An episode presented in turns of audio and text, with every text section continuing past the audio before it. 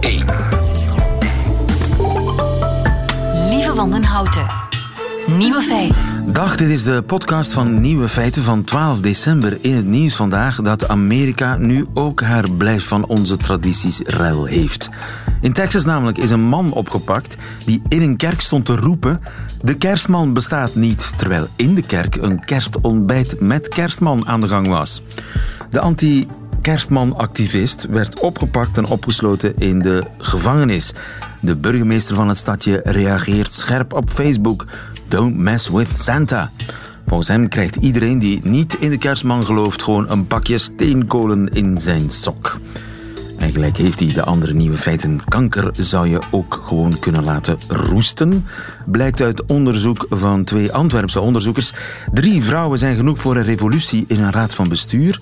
Er is een boek en een podcast over de Nederlandse Laura H., die een jaar lang in Mosul woonde tegen haar zin. En kikkers kwaken mooier in de stad. De nieuwe feiten van Chris van den Abelen hoort u in het middagjournaal. Veel plezier. Nieuwe feiten. Als we kanker nu eens gewoon zouden laten roesten. Goedemiddag, gebroeders van den Bergen. Goedemiddag. Goedemiddag. Wim en Tom van den Bergen, beiden onderzoekers aan de Universiteit van Antwerpen. En klopt, jullie werken aan een bestrijdingsmiddel tegen kanker op plantaardige basis. Hoe kwamen jullie daarbij? Ja, dat is uh, uiteindelijk gestart, uh, denk 18 jaar geleden, uh, toen wij studenten hadden uit ontwikkelingslanden die eigenlijk geen toegang hadden tot een klassieke geneesmiddelen. En die kunnen enkel de lokale planten gebruiken om kwaaltjes te bestrijden. Ja. En toen zijn we ja, een heleboel extracten die gebruikt worden in de traditionele volksgeneeskunde gaan analyseren. En daar hebben we een aantal heel interessante extracten kunnen identificeren. En daar hebben we dan een zeer beloftevolle, zuivere stof kunnen uit afzonderen die ook werkzaam was tegen dus drugresistente kankercellen. Traditionele plantengeneeskunde, daarbij denk ik dan aan Ayurveda en dat soort dingen. Ja, dat klopt. Dus Ayurveda is eigenlijk de traditionele geneeskunde in India. En daar gebruikt men heel dikwijls mengsels van planten om bijvoorbeeld zweren te bestrijden of uh, om gezwellen te bestrijden.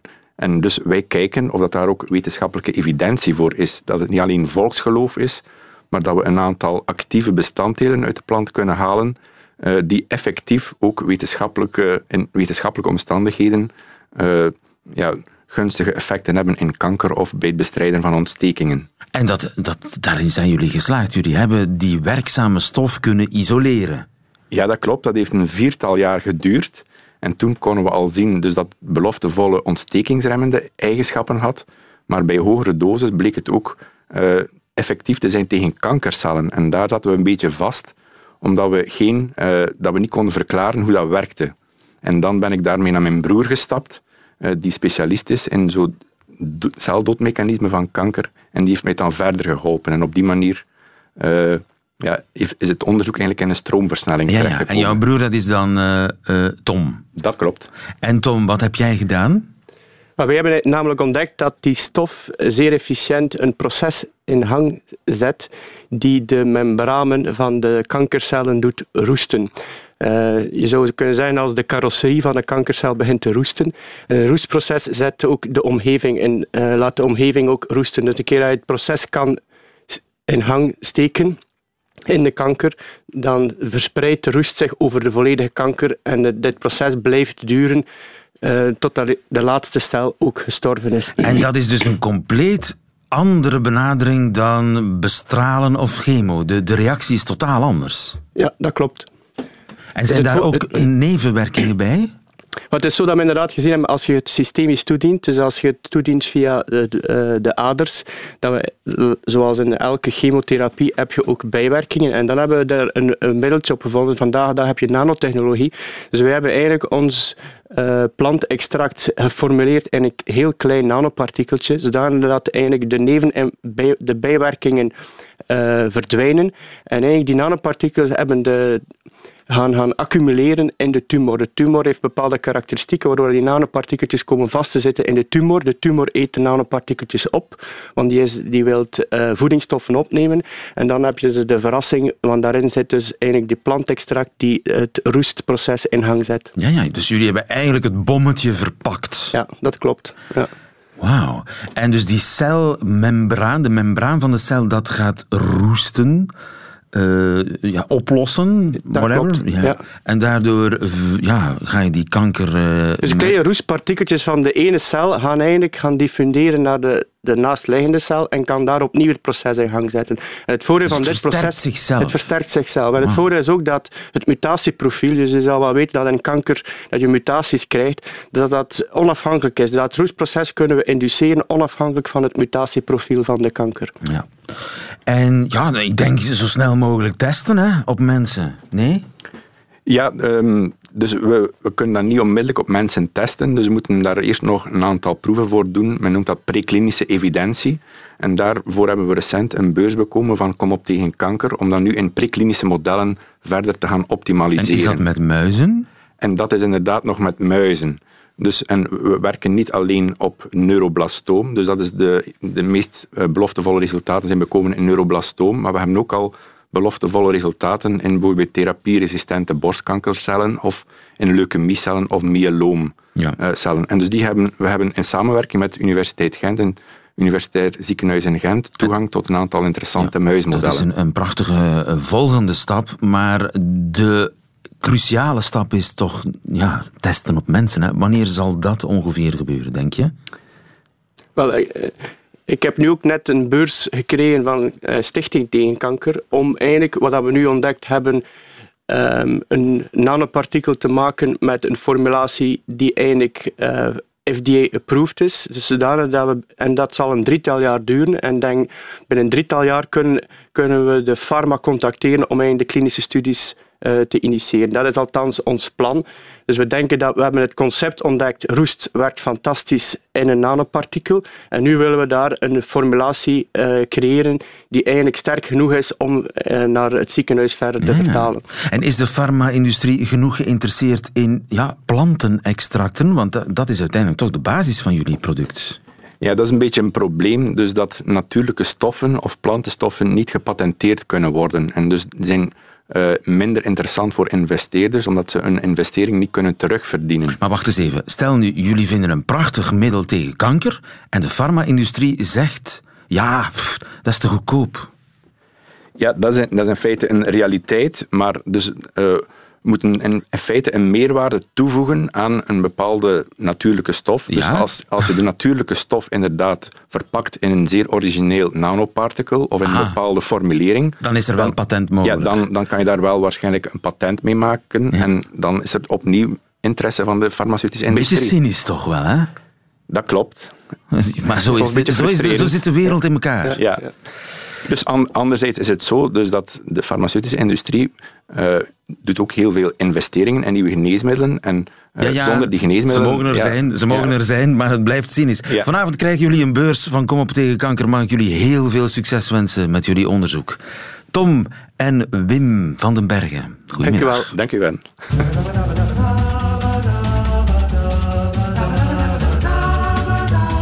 Nieuwe feiten.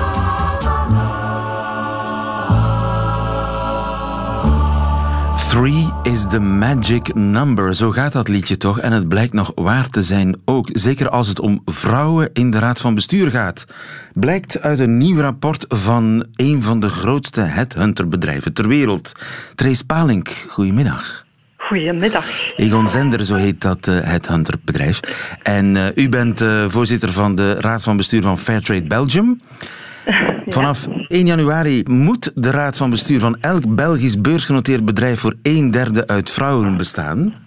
Ja, dat klopt. Maar nu blijkt uit dat onderzoek dat niet zozeer het percentage ertoe doet, dan wel het magische getal drie. Je hebt drie vrouwen nodig in een raad van bestuur. En dan werkt het. Hoe, hoe, hoe kan dat?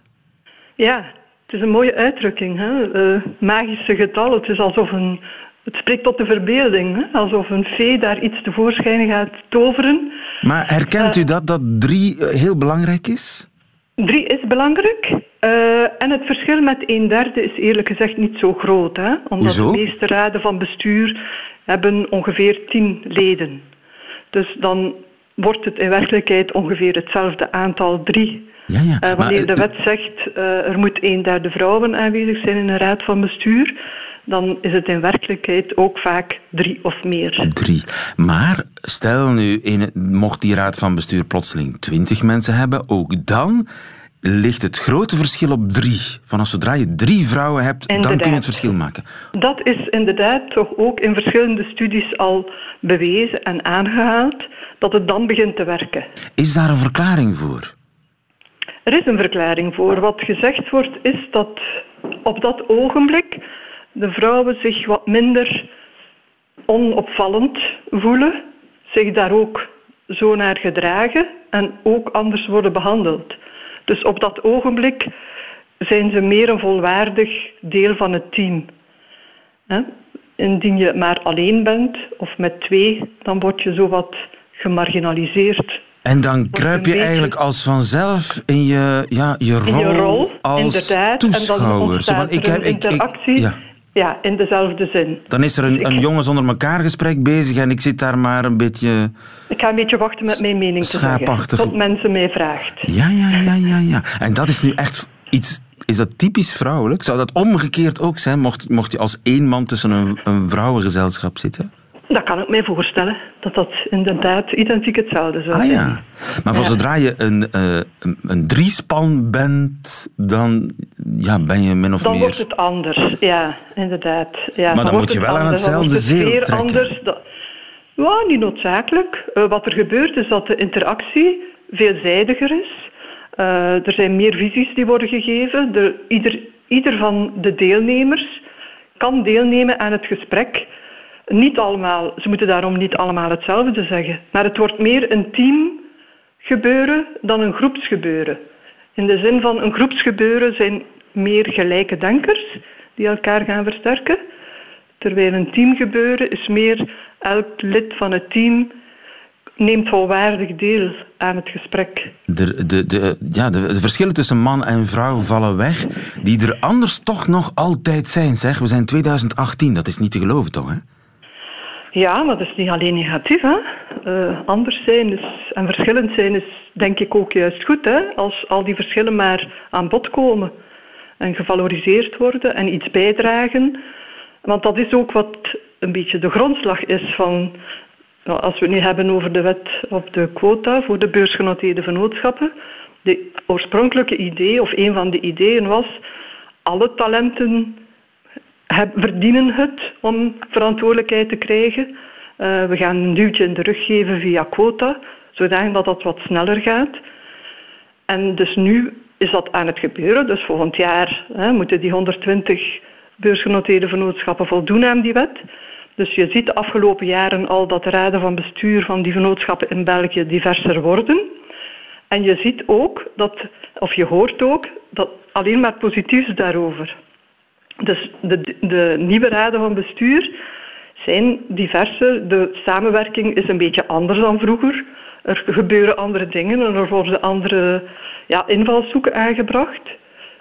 Soms zegt men ook het is leuker, het is efficiënter. Wanneer de vrouwen erbij zijn, dan wordt de agenda goed gevolgd. Ehm, Kijk eens aan, iedereen wint. En dat eh, Ja. kunnen we niet genoeg eh, benadrukken en eh, toejuichen.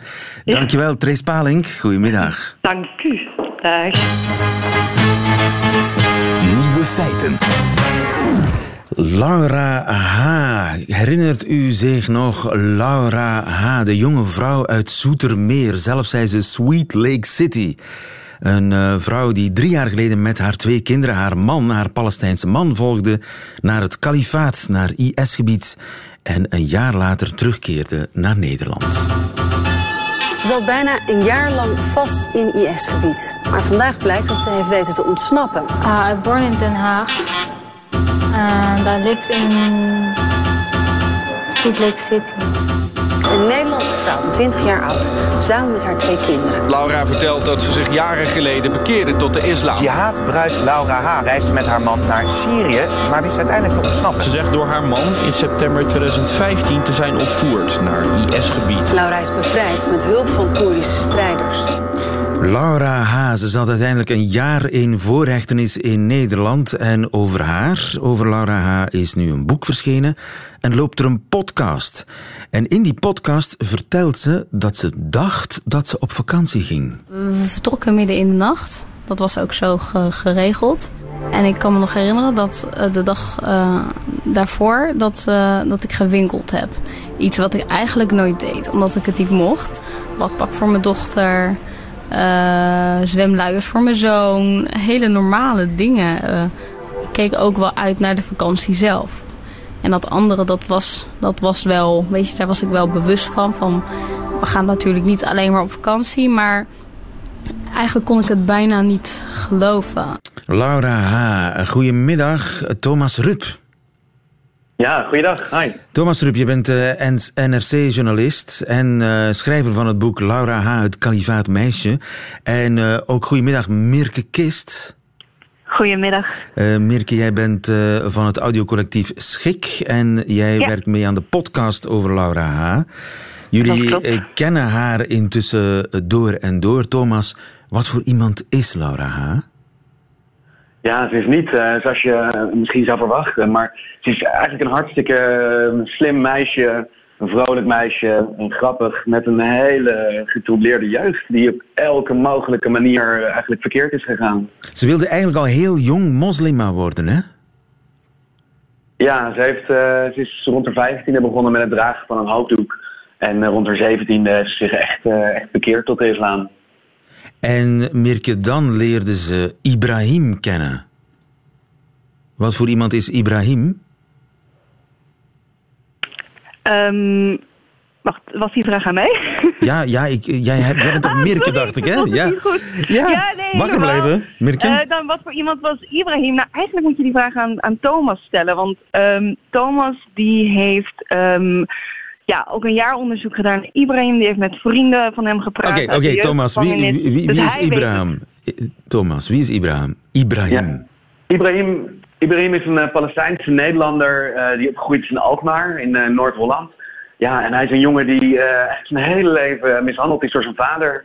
En uiteindelijk ja, liever op straat leefde dan thuis kwam. In de jeugdgevangenis is beland. En ja, rond zijn zestiende heeft bedacht, ik moet eh, mijn leven beteren. Ik moet afscheid nemen van dit, eh, dit, dit verleden waar hij maar mee worstelde. En ja, hij heeft zich toen helemaal bekeerd tot de meest orthodoxe islam die hij, eh, die hij kon vinden. Ja, en dan En, leert hij ja. kennen. En zij Precies. trouwen eigenlijk vrijwel onmiddellijk. binnen twee weken nadat ze elkaar voor het eerst ontmoet hebben. Ze hadden elkaar nog nooit aangekeken überhaupt. En toen eh, waren ze al getrouwd, ja.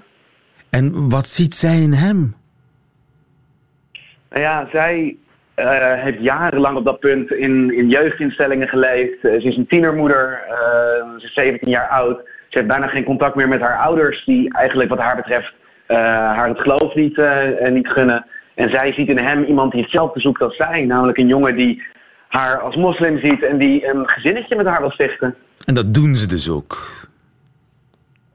Ja, dat gezinnetje komt er en eh, ze, ze raakt zwanger van hem. Ze, krijgt een, eh, ze krijgen een kindje. Maar hij blijkt een ja, ontzettend duistere kant te hebben. Hij, net als zijn vader hem sloeg, slaat hij haar eh, ook genadeloos. En ja, die mishandelingen zijn aan de orde van de dag. Maar waarom gaan ze dan samen naar Mosul? Nou ja, die mishandelingen zijn daar een onderdeel van. Maar het lukte hen maar niet om in Nederland samen alleen gelukkig te worden. Eh, de politie stond daar wekelijks aan de deur. Eh, jeugdzorg kwam daar aan de deur. Die zei van, nou ja, die kinderen kunnen niet in deze gewelddadige relatie blijven. Ehm, eh, hij was depressief en ja, zij zochten eigenlijk op hun eigen manier allebei eh, naar een, eh, een oplossing om ja, hun leven in één klap eh, een stuk beter te maken. Maar zij dacht dat ze met vakantie ging. Zij wist toch dat ze naar het kalifaat zouden gaan, nee? Ze wist dat ze naar Ja, Syrië maar zouden dit gaan. zijn En hij had eigenlijk- gezegd, Pardon? Nee, ja, ik wilde zeggen van dit zijn eh, allemaal vragen die ook uitgebreid in het boek eh, en in de podcast eh, worden, worden behandeld. Maar, Dus we hoeven het er niet over te ja, hebben, volgens Want jou. dat is inderdaad de vraag. Nee, nee, we moeten het er zeker over hebben. Maar de vraag is inderdaad, ja, wist Laura dat ze daar naartoe ging? Het antwoord daarop is ja, maar het, het, het, het zit allemaal natuurlijk veel ingewikkelder in elkaar dan een beslissing van een op de andere dag wordt genomen. Het boek eh, is niet voor niks eh, een page-turner van 500 pagina's geworden. En eh, daar nog bovenop een, eh, een vierdelige podcast. Ehm, dus ik, ik, ik, ja, die vragen zijn niet 1, 2, 3 te beantwoorden. En, en daar gaat Thomas' zoektocht ook over. Oké. hoe leefden ze daar in eh, Mosul? Thomas? Ehm, die, nou ja, zij, ehm, ja toen zij aankwamen werden ze eigenlijk meteen gescheiden. En eh, Laura die kwam in, eh, in een vrouwenhuis terecht. Terwijl Ibrahim getraind werd door het eh, regime van de IS. En uiteindelijk zijn ze ja, samen geplaatst in Mosul. En daar leefden ze eigenlijk in een heel beperkt kringetje. Laura kwam er daarachter ja, dat je als vrouw natuurlijk geen enkele bewegingsvrijheid hebt. En haar leefwereld was eigenlijk ja, beperkt tot hun huis. En tot de plekken waar Ibrahim haar mee naartoe wilde nemen. En Ibrahim had een, eh, ja, een baantje in een, eh, in een fabriek daar, waar hij waar die, eh, mortieren in elkaar moest schroeven. En ja, eigenlijk leefden ze net als in Nederland, ging niks daar beter. Dus beiden waren daar ook doodongelukkig. Ja, en dus slagen ze erin op de een of andere manier na veel omhaal terug te keren in Nederland. En daar vliegt zij onmiddellijk de gevangenis in. Hoe kan dat? Ja, ja want nou ja, het, daar gaat het boek in die podcast ook over. Het is in die tijd, eigenlijk wordt het onmogelijk geacht om dat kalifaat nog te ontvluchten. Dit is op het hoogtepunt van de oorlog tegen IS. Eh, de stad wordt belegerd, eh, het, regent daar bommen. Eh, de, de frontlinies liggen vol met sluipschutters. En toch lukt het dit meisje met twee kinderen om, om daaruit te komen. En zij duikt op daar in de woestijn in Irak en wordt door Koerden gearresteerd. En ze vertelt een ongelooflijk verhaal en zegt: Ik ben, ben beschoten en de kogels vlogen om de oren. En Ibrahim is gewond geraakt. En ja, justitie dacht: dit, dit kan haast niet kloppen. En dus de Nederlandse overheid denkt, eh, dat is een gevaarlijke vrouw, die gaat misschien wel aanslagen plegen. Ja, dat, is, eh, dat was het vermoeden. Dat moest in ieder geval worden uitgesloten. En ja, je, je kan je er iets bij voorstellen. Want ja, toen zij ontsnapte, lukte dat niemand anders. En ja, hoe is dat haar gelukt? Was eh, gewoon de, de grote vraag waar eh, Nederland eh, mee worstelde. Ja, en uiteindelijk is ze veroordeeld. Het onwaarschijnlijke verhaal van het kalifaatmeisje. Het is een boek en een podcast. Dank Thomas en dank Mirte. Goedemiddag. Nieuwe feiten. Kikkers kwaken mooier in de stad. Tot die ontdekking kwam Wouter Halfwerk. Goedemiddag, Wouter. Goedemiddag. Je bent bioloog, hè? ook aan de Universiteit van Antwerpen. Eh, welke kikker heb jij onderzocht? Eh, ik heb gekeken naar de Tungara-kikker. Dat is een eh, klein Tungara-kikkers. kikkertje. Ja, een klein kikkertje die eh, in het regenwoud van eh, Centraal- en Zuid-Amerika leeft. En hij heet Tungara omdat hij eh, doorgaans zo klinkt. Oké, en wat wou je te weten komen? Eh, nou, van deze soort wilden we eigenlijk weten hoe, hoe die ja, zijn, de manier van, van communiceren eh, aanpast aan de stad. Want we weten eigenlijk van heel veel soorten dat ze anders eh, roepen of eruit zien in de stad dan in het bos. Bij vogels is dat ook zo. Bij vogels is dat heel veel al uitgezocht, maar, maar vaak weten we niet zo goed waarom. En dat wilden we met deze soort nou eens helemaal eh, uitzoeken. En hoe heb je dat aangepakt? En dat hebben we gedaan. Nou, we zijn eerst gaan kijken in, eh, op heel veel verschillende stadplekken en bosplekken eh, ja, hoe, hoe mannetjes daar roepen. Dus we hebben in totaal 100 mannetjes over 20 verschillende plekken opgenomen. En dan zien we dat die stadskikkers ja, vaker roepen, ook een beetje luider roepen, maar ook meer complex. En eh, die complexiteit, dat is, dat is heel belangrijk voor deze soort. Van wat, een, wat een mannetje doet, is als hij begint te roepen, dan begint hij met een, ja, een, een gek geluidje. Dat klinkt als een soort toen. Wacht, is het Eh, dit? Is, dit, toen. is het dit? Ja, dus dat eerste deel, dat is de toen. Ja? En dat tweede deel, dat is de, de zogenaamde chuck. En eh, door die chucks toe te voegen, versieren ze eigenlijk de roep. En daarmee zijn ze aantrekkelijker voor vrouwtjes. Oké. Nou, en, wat, en wat bleek, dat die stadkikkers, die maakten 40% meer van dat soort chukjes. Dus die waren eh, ja, 40% meer ver- versierde roepjes. Ah ja, het is eigenlijk een soort boom, ching, ching, ching. Ja, ze, ze, Oh ja, ze maar- voegen iets toe. Hè? Het is een nieuw iets, eh, zou je kunnen zeggen. En, eh, Ja, kijk, en dat is dus een, dat is dus een stadskikker. Dat Die is de stadskikker. Ja, ja. Ja, dus je merkt ook voor jezelf al dat het, eh, ja, het, het valt meer op. Het is misschien ook prettiger om naar te luisteren. En dat is, dat is misschien ook het proces wat, wat, wat die vrouwtjes dan dus meemaken. Het verschil is mij eerlijk gezegd niet zo heel erg groot. Laten we nog eens allebei naast elkaar horen. Ja? Ah, dat is dus de, de bos? boskikker. Dat is kort. Ja. En dat is... Ja. Dat is inderdaad ja, dus iets... die maakt eh, een Toongara, hè? dus maakt twee van die Tungara. chukjes. eh. Oké, en wat is ja. de verklaring voor het verschil? Nou, vervolgens hebben we, eh, hebben we in de stad gekeken, ja, als, als een mannetje nou roept, ja, wat zijn daar de consequenties van? Dus we hebben geluiden afgespeeld van die kikkers in de stad en in het bos. En dan zie je in de stad dat die mannetjes minder vaak eh, vrouwtjes aantrekken. Dus hij moet, een man in de stad moet eigenlijk harder werken, omdat hij, ja, hij is in competitie met andere mannetjes. Ze kunnen op één avond maar één vrouwtje krijgen om daarmee eitjes te leggen. Dus ehm, ja, er is, er, is minder voor die mannetjes om te, om, om te kiezen. Dus die moeten eigenlijk voor ieder vrouwtje dat komt heel hard werken. En twee keer zo hard als in de stad. Eh, dus dat is één kant van het verhaal. Dan in het dorp bedoel Eh, je? wa- wa- waardoor ze waarschijnlijk eh, complexer zijn gaan roepen. Maar de andere kant is dat als een mannetje in de stad dat doet, dan hoeft hij zich geen zorgen te maken voor, de, voor roofdieren.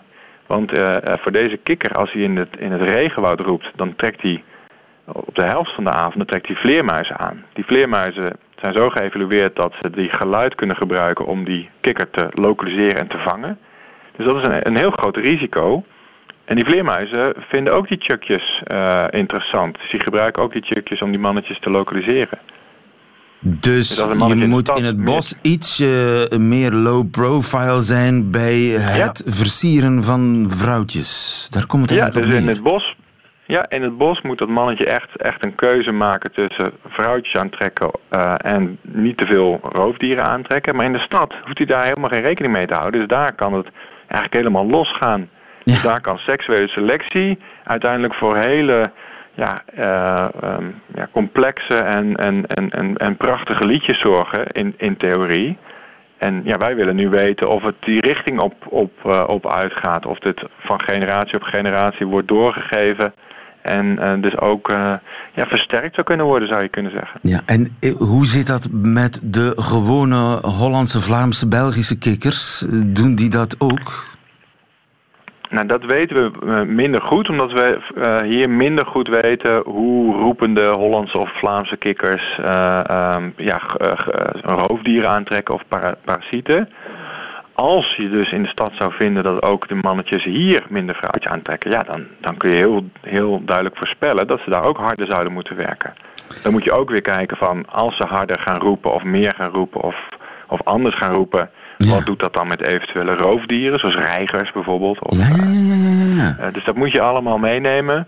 Maar dat die stad ook in Nederland en in Europa en België invloed heeft op die kikkers, dat is, over, dat is overduidelijk. En dat daar veranderingen op gaan plaatsen in de manier van communicatie, ja, dat is, ligt ook heel erg voor de hand. Ja, dat er eh, in Gent kikkers eh, zijn die gens kwaken. En Gens, Gentse kwakers, ja. Het zou Gentse heel goed kwakers, het zou heel goed kunnen. Misschien is dat een onderwerp voor een eh, vervolgonderzoek. Dankjewel, Wouter Het Halfwerk. zou heel leuk zijn om daar eens naar te gaan kijken. Ja, dankjewel. En hou ons op de hoogte als eh, het werk helemaal af is, zeg maar. Goedemiddag. Ja, goedemiddag. Nieuwe feiten.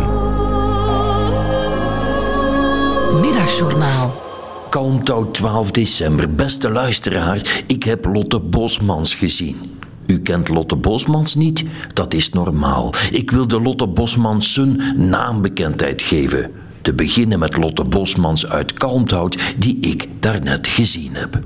Lotte Bosmans, luisteraars, is zoals haar naam klinkt. Sympathiek, jonge vrouw, 25, het type dat naar de scouts ging en na enkele jaren vanzelf in de leiding kwam en daarna groepsleidster werd.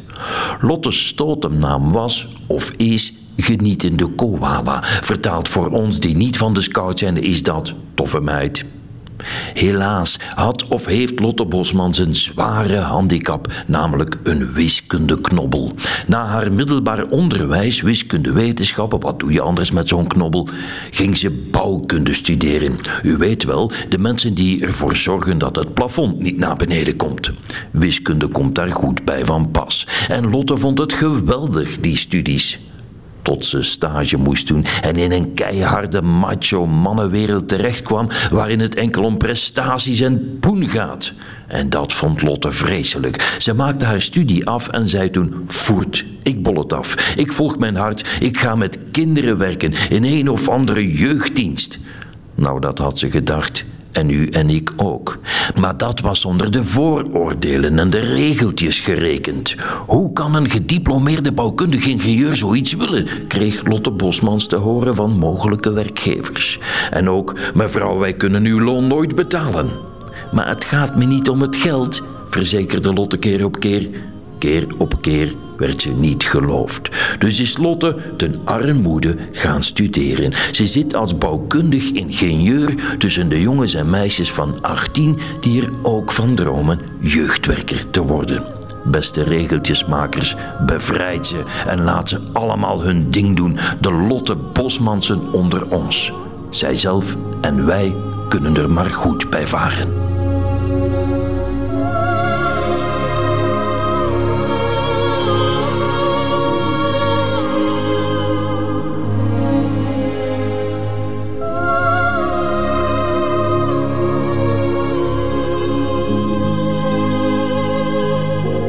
Chris van den Abelen in het middagjournaal. Einde van deze podcast, maar u vindt er nog veel meer op radio1.be en op alle podcastkanalen die u maar kunt bedenken. Tot volgende